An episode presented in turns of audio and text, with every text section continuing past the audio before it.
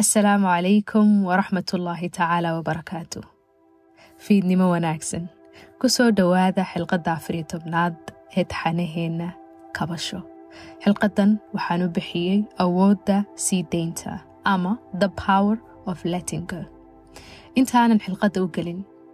Caawa waxaa dhalanaysa amaba ka dhalatay meelo fara badan oo aad kala joogtaan bishii barakaysnayd ee ramadaan ilaahay subxaana wa tacaala waxaan ka baryayaa inuu inaga dhigo kuwa kabta ee nasta ee nafisa ee la aqbalo ducooyinkooda rukuucdooda sujuuddooda iyo wax kasta oo wanaaga oo ay bishaa geystaan oo soonkooda la aqbalo in ilaahay subxaana wa tacaala idinka dhigo oo inaga wada dhigo idinka iyo eheladiinna iyo intaa jeceshihiinba waxaan idiin rajaynayaa ramadaan qabow oo hiiling iyo kabasho iyo raxamaad ay ka buuxaan ayaan ilaahay subxana wa tacaala inooga baryayaa ramadaan mubaarak meel kastood joogtaan dad fara badani waxay soo weydiinayaan kabasho ma sii socon doontaa ramadaanta biidni illah waxaan ku tala jiraa inay sidaa imika u socoto ay u sii socoto intii ilaahayga halalsiiyo oo ay soo baxdo fiid kasta oo jimcaha sidan oo kale waxaan wadaynaa oo bilaabmaysa silsiladii duco iyo dareen oo haddaad la socoteen ama iminka idinku horeyso inaad maqashaanba waa silsilad dacooyinka aynu ku baranno inaka oo ka eegayna dhinacyo fara badan ka istaagayna si aynu ugu isticmaalno aaliyaad aynu ku soo kaban karno dacooyinku ay noqdaan positive affirmations. Soddon xilqadood ayaa baxay ramadaantii imikana soddon xilqadood ayaynu soo dayn doonaa ama aynu ramadaanta ku wada qaadan doonaa ilaahay subxaana wa tacaala haddii uu yeelo oo ka dhigo. Marka waxaad ku xidhnaan doontaan youtubekan soo gelin doonaa facebookna waxaan ku sheergarayn doonaa linkiyadooda halkaasaad kaga xidhnaan doontaan xilli allaaliya xilligii ay idiin saamaxdana. Haddii aad ku cusub tahay oo silsilada aanad la soconin waxaad ugu noqon kartaa youtube-kayga. Playlist dhan oo isku xidhan baad ka helaysaa oo silsilada ducayo dareena kabashana sidaan idiin sheegay wuu socon doonaa waanu soo bixi doonaa haddii ilaahay idamka ka dhigo. Ramadaan mubaarak mar labaad. Xilqadda caawa waxaan u bixiyey awoodda sii deynta ama the power of lettingo maxaynu uga jeednaa awoodda sii deynta dareemada gudeed ee bani aadamka ku xaadirka ah gudihiisa iyo qaababkay u soo baxaan ama ay dhacdooyinka uga turjubaan way badan yihiin. Inta badan marka la joogo cilmigan kasmanafeedka ama psychologiga waa la kala kaabadeeyaa oo qaybo ayaa kor laga dhigaa dareemada bani aadamka waxaa kor looga dhigaana waxaa layidhaahaa waxay ka qayb qaataan caafimaadka horumarka gobonimada wacnaanshiyaha ruuxda iyo jiritaanka qofka. Ayay ka qayb qaataan oo way koriyaan oo qofnimadiisa wanaagsan ayay qorqoraan. Isla kaabadaha loo kala qaybiyo dareemada lagu kala qaybiyo qayb baa hoos la geeya ama hoos la mariya. Sababtuna waxay tahay in la isla qaatay inay dareemadaasi qofka ragaadiyaan ruuxdiisa. Oo saameyn taban ama negative ah ay ku yeeshaan qofka horumarkiisa iyo horusocoshadiisa iyo dadla dhaqankiisa iyo guud ahaanba ahaanshiyihiisa qofeed. Dareemada dusha la soo mariya waxaa ka mid ah deganaanshiyaha deganaanshiyaha jidheed ka maskaxeed ka diineed iyo ka aqooneed. Qofku hadduu jir ahaan u degan yahay oo jirhkiisa uu ku kalsoon yahay oo jirhkiisa uu keergaraynayo oo jirhkiisa uu ilaalinayo oo cunfiga in laga yaabo inuu isagu jirhkiisa u geystay inuu jirhkiisu geysta labadaba uu ka warhayo iska jirayo. Maskax ahaan inuu degan yahay oo qof waxaweyaan aanu ahayn maaragtay isku buuqsan ama ogolaada maskaxdiisu inay noqoto waxa weeyaan weel cid kastaaba waxay doontaa ay ku shubato meel kasta uu dhigo oo wax kasta waxa weeyaan uu ku kaydiyo oo aanay noqonin. Waxaa la odhan karaa waa qof maskaxdiisu ay caafimaad qabto. Diin ahaan inuu yahay qofku qof caafimaad qaba oo diintiisu ay tahay diin muctadila. Kuntum khayra ummatin ukhrijat linnaas ummatan wasat ah inaad dhexdhexaad yahay oo qof xag jira oo dhiigga dadka ku mamay oo waxa weeyaan dadka oo dhan aan garbinaynin oo dadkao dhan aan ilaahay ka xigsanaynin oo aan iska dhigaynin askari caqiidadeed oo dadkao dhan nacaynin oo cunfi iyo caloolxumo iyo waxa weeyaan inuu dadka ku hagar yacni dhibaato ugu geysto hagardaameeyo diinta. Aanu ahayn ee qof diiniyan degan uu yahay aqoon ahaanna qof degan uu yahay oo aqoontiisu ay midho dhasho cilmi naafic ah isagana wax ku tara dadka kalena wax ku tara inuu qofkaasi leeyahay ama kasbaday. Waxay ka dhigan tahay marka in dareemahaas deganaanshiyaha diimeed ama aqooneed ay dhaxal siinayaan qofkaasi inuu kaabado sare ka galo ama kaabadaa sare dareemeed inuu galo diiniyan waynu ogsoonahay naftu xataa maraaxishay marto ilaa hadhow toole marka psychological jooga waxay dhahaan waa self actualization laakiin diiniyan waa nafsu mudma'ina ilaa ay rabbigeeda la kulmayso markay heerkaa soo gaadho yaa ayatuha nafsul mudma'ina irjici ilaa rabbika raadiyatan mardiya kaabada sare ee dareemaha la geliyo kuwa u adeega qofka wacnaashiyihiisa iyo wanaagiisa iyo qofnimadiisa togan ee positiveka. Waxaa ka mid ah kalsoonida waxaa ka mid ah kalxaadnaashiyaha waxaa ka mid ah kurbala-aanta waxaa ka mid ah baarinimada iyo badqabka laxaweed inuu qof emotionally fit ah yahay inuu kal xaaran yahay oo waxaweyaan cunfi iyo cadho iyo waxaa la dhahayaa nacayb iyo xaqdi iyo xasad iyo liidnimo aanay waxaweyaan laabtiisa fadhiyo inuuna ka buuxin inuu dadka kale ku mashquulsanayn inuu cid kale uun dabaguraynin. Waxay ka dhigan tahay qofkaasi inuu kaabada dareemeed oo caafimaad qaba uu xagga sare kaga jiro. Dareemada marka la kala kaabadeynayo dareemayaasha hoosta la mariya waxaa ka mid a qofka la hara waxaa kamida cadhada waxaa kamida caloolxumada waxaa kamida xaasidnimada waxaa kamida qalafsanaanta waxaa kamida qanaaco la'aanta waxaa kamida cabsida waxaa kamida urugada waxaa kamida isciilkaambiga waxaa kamida ceebaalka inuu qofku shaym dareemayo markasta waxaa kamida gabashada inuu qofku mar walba gabanayo hadaba waxaa jira mowduucan dadka aadka wuxuu ka qoray waxaa kamida nin layidhaaho david hawkings oo wuxuu qoray buog layidhaaho awoodda sii deynta ama samaax biraxiil isagoo af carabiyana waad heli kartaa markuu af ingiriisi yahayna waa awoodda sii deynta ama the power of letting go.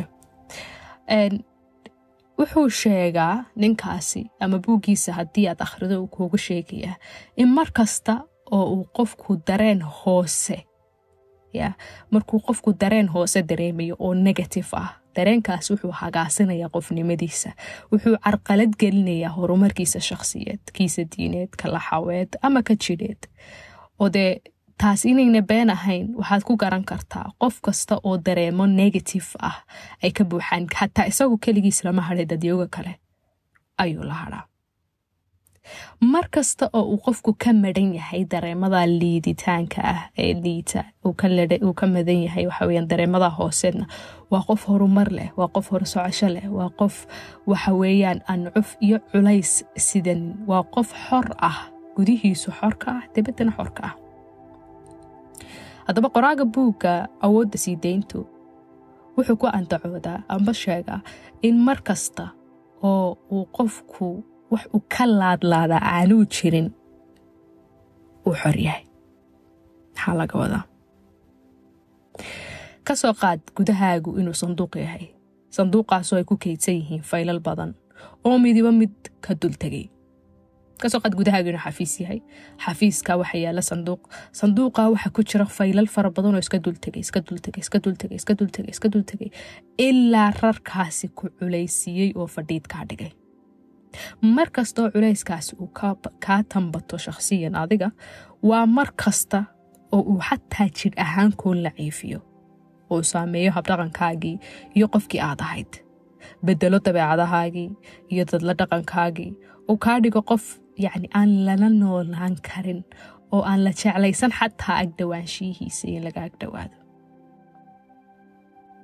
haddaba waxay sheegaan culimmadu ee kasmanafeedku in dadku ay wejiye maraan. Saddexda weji wuu ka soo qaatay markaa ninkan kitaabkan qoray layidhaaho samaax biraxiil ama awoodda sii deynta wejiga koobaad dadku waxay maraan xaalad ah. Soomaalideenu waxaynu odhan karnaa waayahaaga laabtaada ku hayso. Yacni wax kasta oo dhacay sida u jiraan ama dareemaha kaasoo raacay dafir jiritaankooda oo yaan lagaa garanin. Ama ha dareemi inta badan waxaa dabada ka soo riixa in uu qofku dadka kale iska dhisayo ama odhanayo maxaa ay dadka kale odhan doonaan.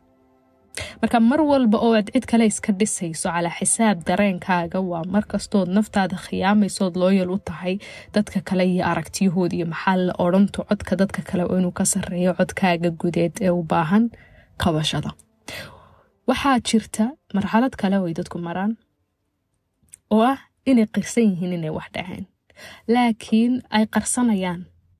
Qisay uu ogyahay haddii la weydiiyo cid kaloo dee ka warhaysa se wuxuu dhacana wax weydiiso.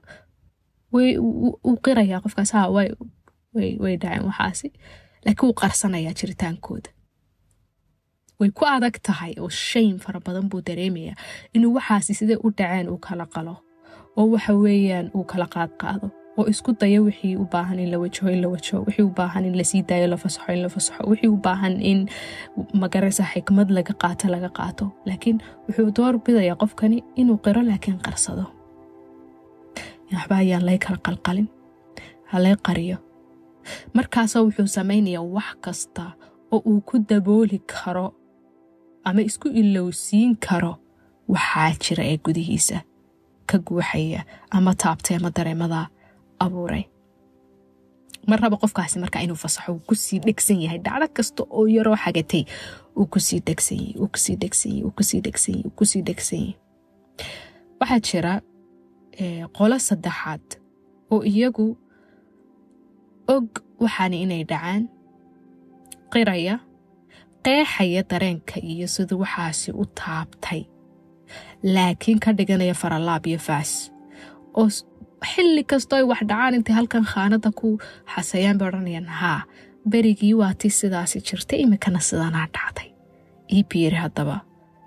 Waxaase hay biiro hay bararo xaaladda iminka jirta si aan ugu muuqdo markaa dhibane iyo qof aan dee wixii ku dhacay la dhayalsan karin.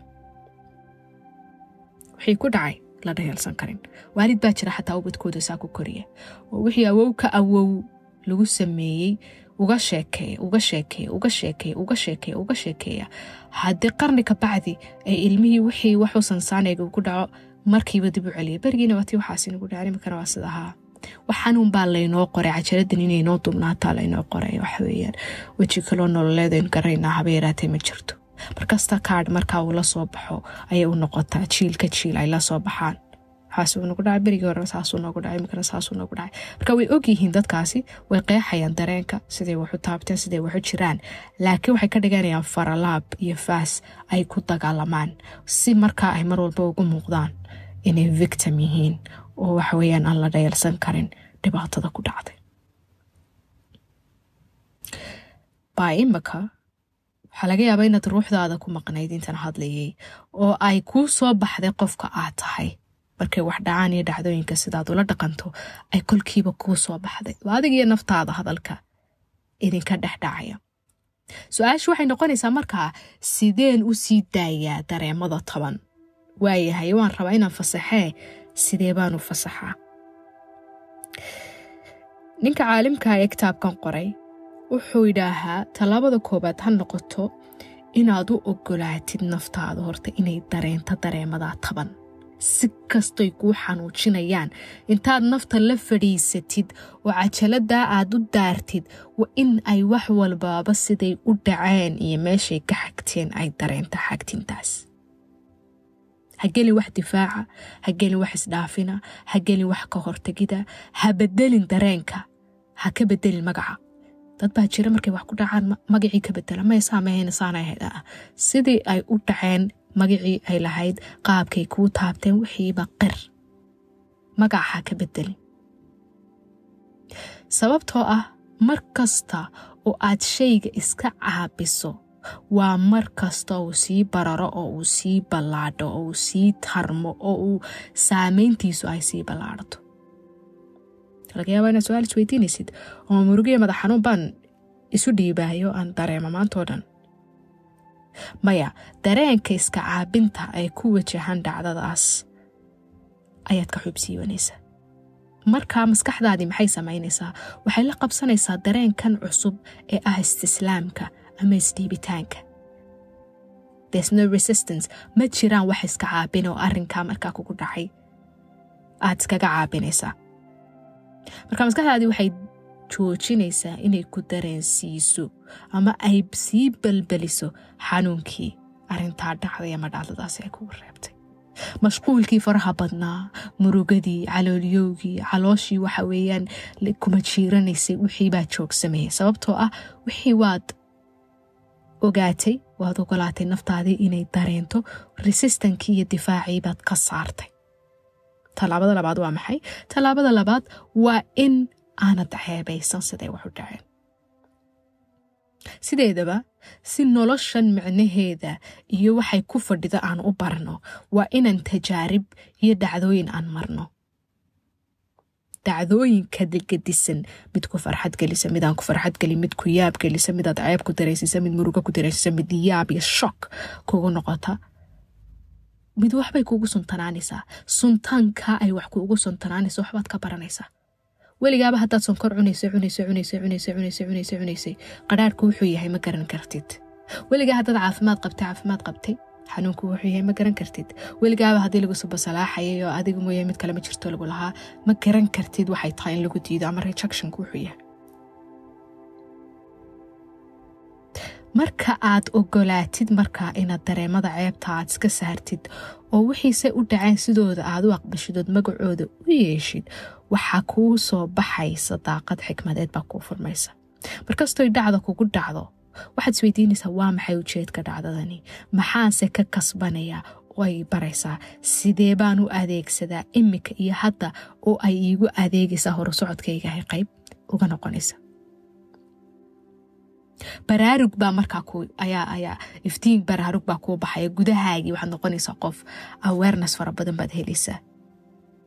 Culimadu waxay sheegaan lix iyo toban qaybood inuu wacyigu maro ama ogaalka qofkuu maro ogaal ceebeed baa jira qofku mar walba inuu ceeb iyo dareemayo ogaal uu isceelkaambi dareemayo ogaal uu murugo iyo maxay waxani u dhacday maxaa aniga waxani daba dhigay maxaa faraqa laygu xidhaya uu marayo ogaal baqdin iyo balaysiya oo waxa weeyaan habeen maalin qofkii difaac ku jiraya buu mararka qaar marayaa ogaal uu doonitaan uu wax ku bedelo rabo laakiin waxna fahamsanyay weli waxna u dhiman yihiinba ayuu mararka qaar qofku marayaa ogaal cadho ah ayuu maraya inuu wax kasta ka cadhoodo wax kasta diido wax kasta iska caabiyo wax kasta hiiftamo ogaal buu marka dambe qofkii marayaa uu kalsooni ku kasbado. Wixii dhacay intuu wax ka barto kalsooni nafeed uu ku kasbado in wala waxaas way igu soo dhaceen laakiin sidee baanu joojin karaa waxaasoo kale inay igu dhacaan? Ama aan falcelinteeda arrintaasoo kale hadday mar labaad ii timaado ku yacni bedeli karaa? Wuxuu qofkii gaadhayaa wacyi ama ogaal geesinimo leh uu odhan karo okay horaa waxaanoo kale igu dhaceen oon uga baxay imikana waan ka bixi karaa xeer buu gaadhaya qofku xaala min al xiyaad buu gaadhaya waxa la yidhaha xiyaadiya yacni dhexdhexaad qof aanay murugtu degin buu noqonaya. Markuu faraxsanyana farxaddu aanay hoodin wuxuu gaadhaa marxalad uu qofka aqbalaad yeesho. Qadarka khayrkiisa iyo sharkiisa labadaba uu aqbalo oo la tacaamulo oo waxaweyaan shakhsiyadiisa aanay huuq iyo calool xamuun ku noqonin waxyaabaha qaar una raalli ka ahayn. Ogaal buu gaadhaa qofkii uu sababayn karo yacni uu pattenska noloshiisa uu kala fahmi karo. Waxaasi goortay bilaabmeen sababtay u bilaabmeen qaabkay u saameeyeen. Maxaa soo noqnoqonay noloshiisa? Uu arki karo pattenska noloshiisu qaabkay. Waxu dhacayaan. Wax ka bedeli karo ficilkiisa wax ka bedeli karo wuxuu qabanayo wax ka bedeli karo qaabku wajahayo. Ilaa marxaladu marka dambe jacayl gaadhayo. Ilaa marxaladu marka dambe marxalad salaama buu gaadhaya oo nabadgelyaa buu gaadhaya mar walba nabad dareemayo. Si kastay wax u dhacaan inuu nabad dareemayo. Welimaad arkin qof wax kasta oo noloshiisa ku jira markaad wareysato aad yaabaysa caqabadaha ku hareereysan haddana qofkaasi wuxuu ku jiraa xaalad nabadeed oo aad had lahayn. Salaamu tasliim. Ayuu ku jiraa qofkaasi. Waad yaabaysaa maxelka heerkan halkuu ku soo gaadhay ama qaabkiibuu ku soo gaadhay qofkani. Waa marxaladda gaadho inaanay waxbaba waxa weeyaan carinin. Inaanay waxbaba gelgelin oo wax kastaba bikul aryaxiya si yaroo fudud uu waxaweyaan qofkii ula tacaamulo. Oo qof wuxuu noqonayaa iska daa isaguyo xataa dadka ka agdhowi ay nabad dareemaan. Haddaba in qofku kaabadda u sarraysa ee ogaalka laxaweed gaadhaa dadaal iyo ka warhayn farabadan farabadanoo naftiisa ka warhaya ayay u baahantay. Dadka badankiisu iskuma luraan inay dadaalkaa bixiyaan iskuma luraan waxaa isweydiinaysaa haddaba? Hadal badan badan badan badan badan ayaa laga yaabaa iminka inaan nidhi oo aad isweydiisid adigii dhexdaadii aad ku dhex luntid tallaabo yaryaroo fudud sidee baan xaalad i haysataa oo aan ku sii dhegsanahay murugteeda iyo tabnaanshiyaheeda aan u sii daaya horta su'aasha koobaad ee mudan inaad isweydiisaa waxaa weeyaan maxay ayaa kugu jira gudahaaga ku jira ama naftaada gudaheeda ku jira oo taban ama negative ah. Ood u baahantay inaad sii dayso. Waan hubaa naftaadii waxay ku siinaysaa jawaab. Kor buu imanayaa shaygii kor buu imanayaa. Ogaalkaagan saruu imanayaa.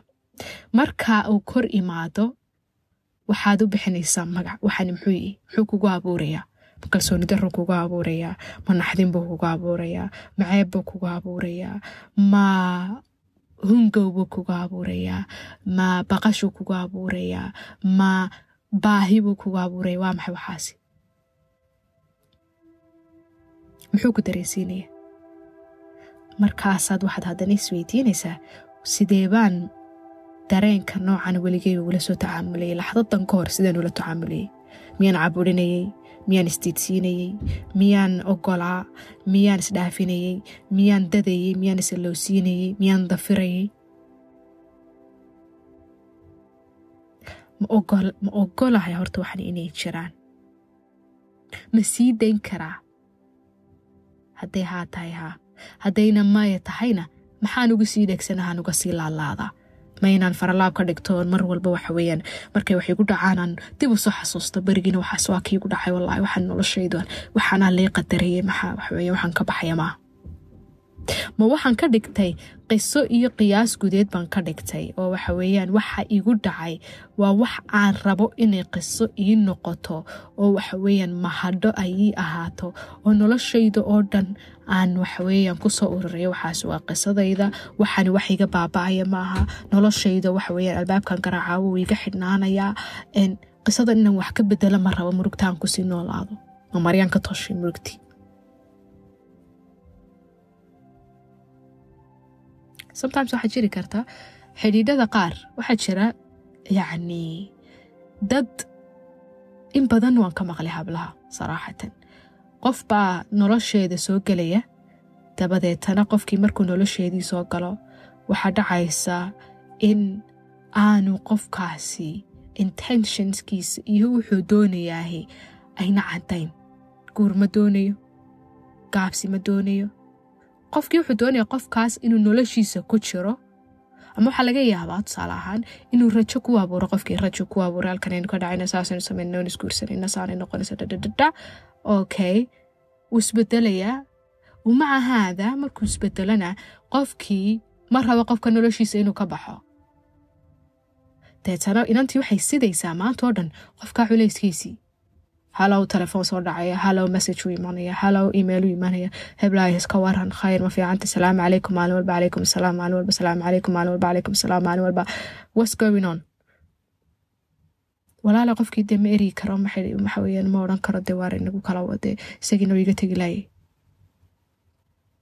marka nolosheedii oo dhan qofkaas wuxuu sidayaa culays ah inuu qofkan nolosheeda ku jiro laakiin there's no clarity.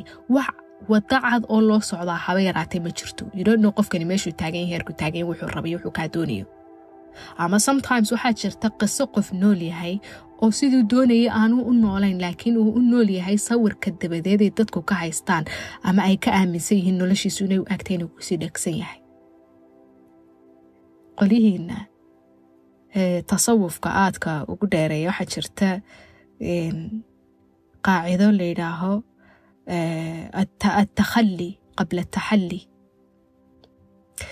waxa weyaan inaad wax dhigto ayaa ka horeysa inaad wax cusub qaadato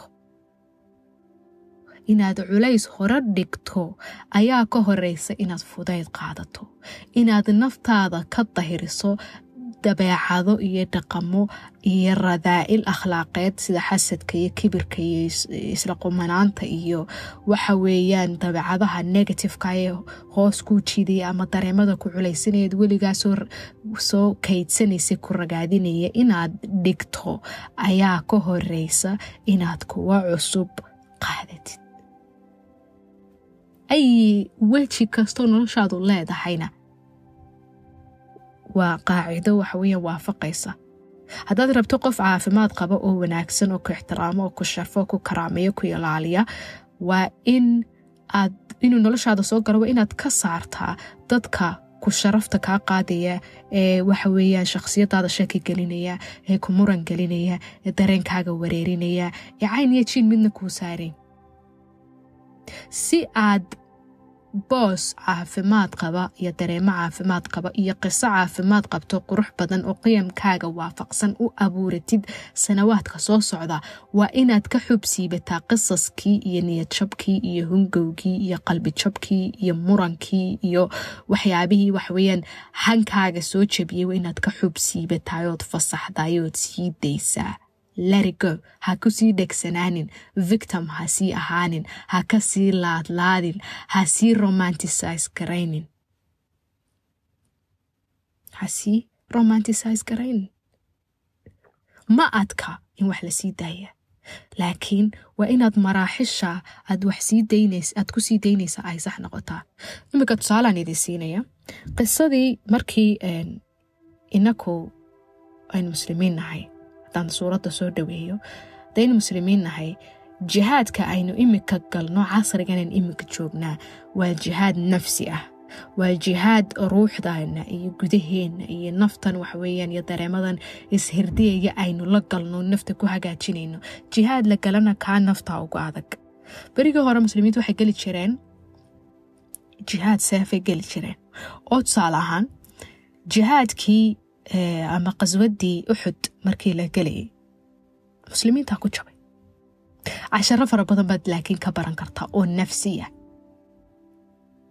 markii la iskhilaafay ee qoladii uu nebigu caleyhi salaatu wasalaam ku yidhi dhabarka ka ilaaliya ay ka soo degeen buurtii. Ee nebigii caleyhi salaatu wasalaam la dhaawacay. Waxa weeyaan dhabanada laga dhaawacay ee ilkihiisii la dhaawacay baashuu wejiga ku sitay ay ka gashay daamanka ay ka gashay ee uu hogga ku dhacay waxa weeyaan idiraab nafsigu uu ku dhacay saxaabadiioo dhan laba shay baa kala caddaatay.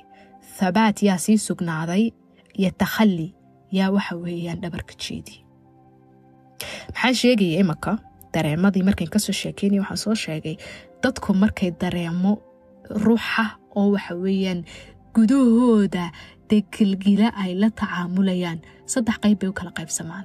Qof dafira jiritaankooda qof qirsan laakiin qariya oo waxa weeyaan waxyaabo yaryaroo aanan kula tacaamulaynin dareenkii gudeed ee xeesha dheeraayee jiray sameeya oo is ilowsiiya oo qisadii magaca ka bedela iyo qof waxa weeyaan ogaada qira laakiin ka dhigta kaadh waxaweya dhibaatadiisu ay ku sii socoto si uu mar walba waxaweyan ula soo baxo kaadhkaasna weligiibaan soo dhibanayo qisaska uu isugu sii xidho oo dabadeetana uu ku sii nagaado dhibaatadii. Haddaba u soo noqo uxud maxaa dhacay? Waxaa dhacay dagaalkii uxud dadku way kala qaybsameen saxaabadii way kala qaybsameen sideedaba mu'min iyo gaal saaxiib imika kula joogay iyo saxaabi xilligaa joogay. Mid waliba waxaa ku jirta ruux bani aadamka oo ruuxdaasa dareemaa isku dhexardiyaya dhacdooyinkuna siyaabo kala gedisan bay dadku uga falceliyaan. Waxaa ilaahay subxana wa tacaala qur'aanka inoogu sheegaya nafahaasi waxay qarinayeen iyo naf waliba waxay ku sugnayd ayuu aayaadka inoogu sheegayaa. Qolaa jirtay markaa. Markiiba intaan dagaalkaba la gelin ayaa waxaweyaan ay gudaha ka ruxmeen oo gudaha waxaweyan naftoodii ay baqday oo quwaddii iyo dacafkii gudaha waxaweyaan xooggii iyo baqdintii iyo waxaweyaan warwarkiibaa ishirtiyey aayaadka ilaah subxana watacaala markuu kaga hadlay muxuu leeyay id hama daa'ifataani minkum an tafshala wallahu waliyuhuma wcala allahi falyatawakal muminuun. Warwar joogtaa intaa waxa weeyaan la gelinba dagaalkii ayay qolo ku sugnayd qolo markii ay ka soo degeen buurta dhabarkoodii ay ka soo degeen ee ay dhabarkii banneeyeen waxay markiiba naftoodii u liicday. Waxa weeyaan khanaa'imtii iyo adduunkii waxa weeyaan adduunsii jeclaysigii ayay qoladaasna ay naftoodu u liicday. Xataa idaa fashaltum watanaasactum fi lamri wacaasaytum min bacdi ma araakum maa tuxibuun minkum man yuriidu dunya wa minkum man yuriidu alaakhira marka iswaafaq la'aantaas iyo adduunyada u muuqatay iyo amarkii nebigu ay jebiyeen waxay horseeday inay ku jabaan macrakadaas marar kale dhacdooyinka nolosha kugu gadaamani ya waxaa laga yaabaa in ay kugu furaan isku dhexyaac iyo dafiraad ay naftaadu gasho. Ayaa laga yaabaa. Marar badan shok baa kugu dhacaya markay dhacdooyinka qaar dhacaan.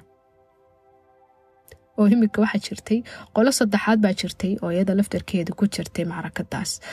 Oo ilaahay subxana wataala markuu ka hadlay muxuu leeyahy tusciduuna walaa tul'uuna calaa axadin waarasuulu yadcuukum fii ukhraakum qolo iyagu xataa inuu nebigii ka dambeeyey ilowday shokkii markuu ka batay.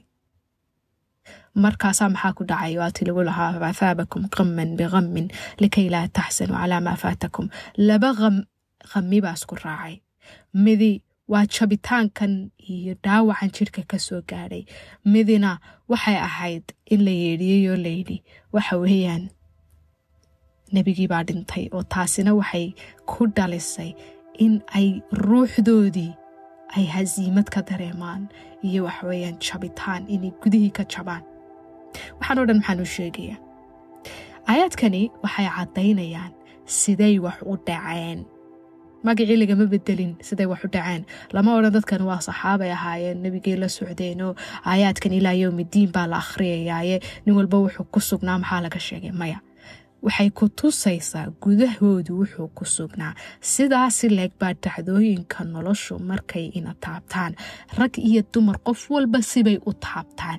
In magaca laga bedelo uma baahna. In la dafiro uma baahna. In lays ilowsiiyo uma baahna. Tallaabada koowaad ee lagaga soo kaban karo eni dhacdo waxa weeyaan inaad magaceeda ugu yeedho siday kuu taabatay aad u qiri kartid una qeexi kartid unahe qeexi kartid. Qolo saddexaad baa jirtay oo iyagu markiiba shaki iyo shubahaadu ku furmay. Oo isiraaxday talosay wax yihiin. Talomaana lala tashto. Markii horeba intaan magaalada laga soo bixin nebigu waxaweyaan aanu qolada kale ra'yigooda soo qaadan kuynala tashanayay haddii la joogi lahayo ra'yigana la weydiin lahaa sidan waxba umay dhaceen. Shaki bay risaaladii oo dhan geliyeen وطائفة قد أهمتهم أنفسهم يظنون بالله غير الحق ظن الجاهلية يقولون هل لنا من الأمر من شيء ilaa ilaahay sii sheegayo yakfuuna fii anfusihim maa laa yabduuna lak marka taasi waxay kutusaysaa dhacdooyinka qaar culays intay ka qabaan markay qofka ruxaan gudihiisa gilgilaan dadka qaar baa xataa qadarka su-aal geliya ilaahay muxuu waxaan ka wada waxaan unbay daba socda waxaan unbay daba jiitamay talo aniga miyaan farxad balii qorin. Talow adduunyada talow ma run ma tahayba aakhiradan la sheegaya iyo sabirkan iyo howlahan iyo siday wax noqon doonaan.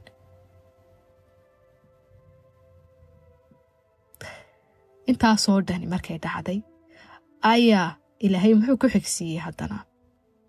In yamsaskum qarxun faqad masa alqowma qarxun mislu haddii idinka dhibaataydii soo gaadhay oo jidh iyo maskax ahaan iyo hamigiinnii iyo waxa weeyaan hankiinniiba uu jabay qoladii kale laftarkooda dhibaataa soo gaadhay yacni marar fara badan markaad murugoonayso waad isleedahay adiga mooyaane cid kale dhibaato adduunka may taaban aduunbaa dhibaatada dhar lagaaga tolay waxaad ogaataa dadkaasii darani inay jiraan taasi waxay kaa khafiifinaysaa inaad hog madow ku dhacdid oo tanalka depressionka intaad ku dhacdid aad dib uga soo bixi weydid markaasuu adna ilah wuxuu walaa tahinuu walaa taxzanuu wa antum alaclowna in kuntum mu'miniin ha hanjabina ha murugoonina any xaalad aad ku jirto haddaad codkayga dhegaysanayso waad ka bixi kartaa waanad ka bixi kartaa in kuntum mumin haddaad aaminsan tahay in albaabo kale oo faraji ay jiraan. Waad ka baxaysaa. Sidaa habeenku isu gediyayo ee maalintu ay u dhalanayso ayaa xaaladaaduna isu bedelaysaa oo maalin kale iyo fudayd iyo deganaashii ay kugu dhalan karaan. Laakiin waa inaad lahaataa iimaankii in kuntum mu'miniin. Waa inaan iimaankii lahaanaa inay xaaladdu isbedeli karto. Oo ay isu bedelayso si positiva ay isu bedelayso waa inaad naftaadii gudahaaga aad ka noolaataa. Oo casiimadaadu ay noolaataa. Oo culayska aad iska dhigtaa si fudayd uu kuugu soo galo oo waxaad sanawaad soo jiidanaysay ee aad soo xambaarsanayd aad iska dhigtaa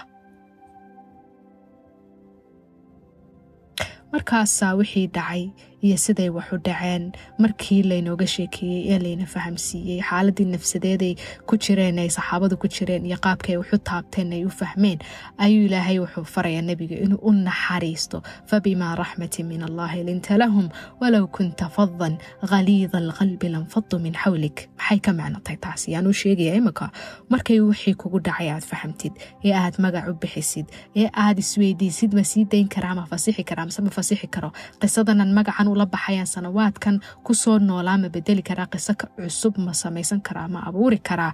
Waa in tallaabada taa ku xigtaah ay noqotaa inaad naftaadii u dhibirsanaatid ood u naxariisatid ood u dabaxsanaatid ood faham kula dhaqantid haddii kale maxaa dhacaya? Waxaa dhacaya inay adigiyo naftaadii aad kala qaarnaataan oo murugtii ay ku sii noolaato ay ku sii nagaato oo waxa weeyaan madax xanuun joogtaa aad ku sii jirtid.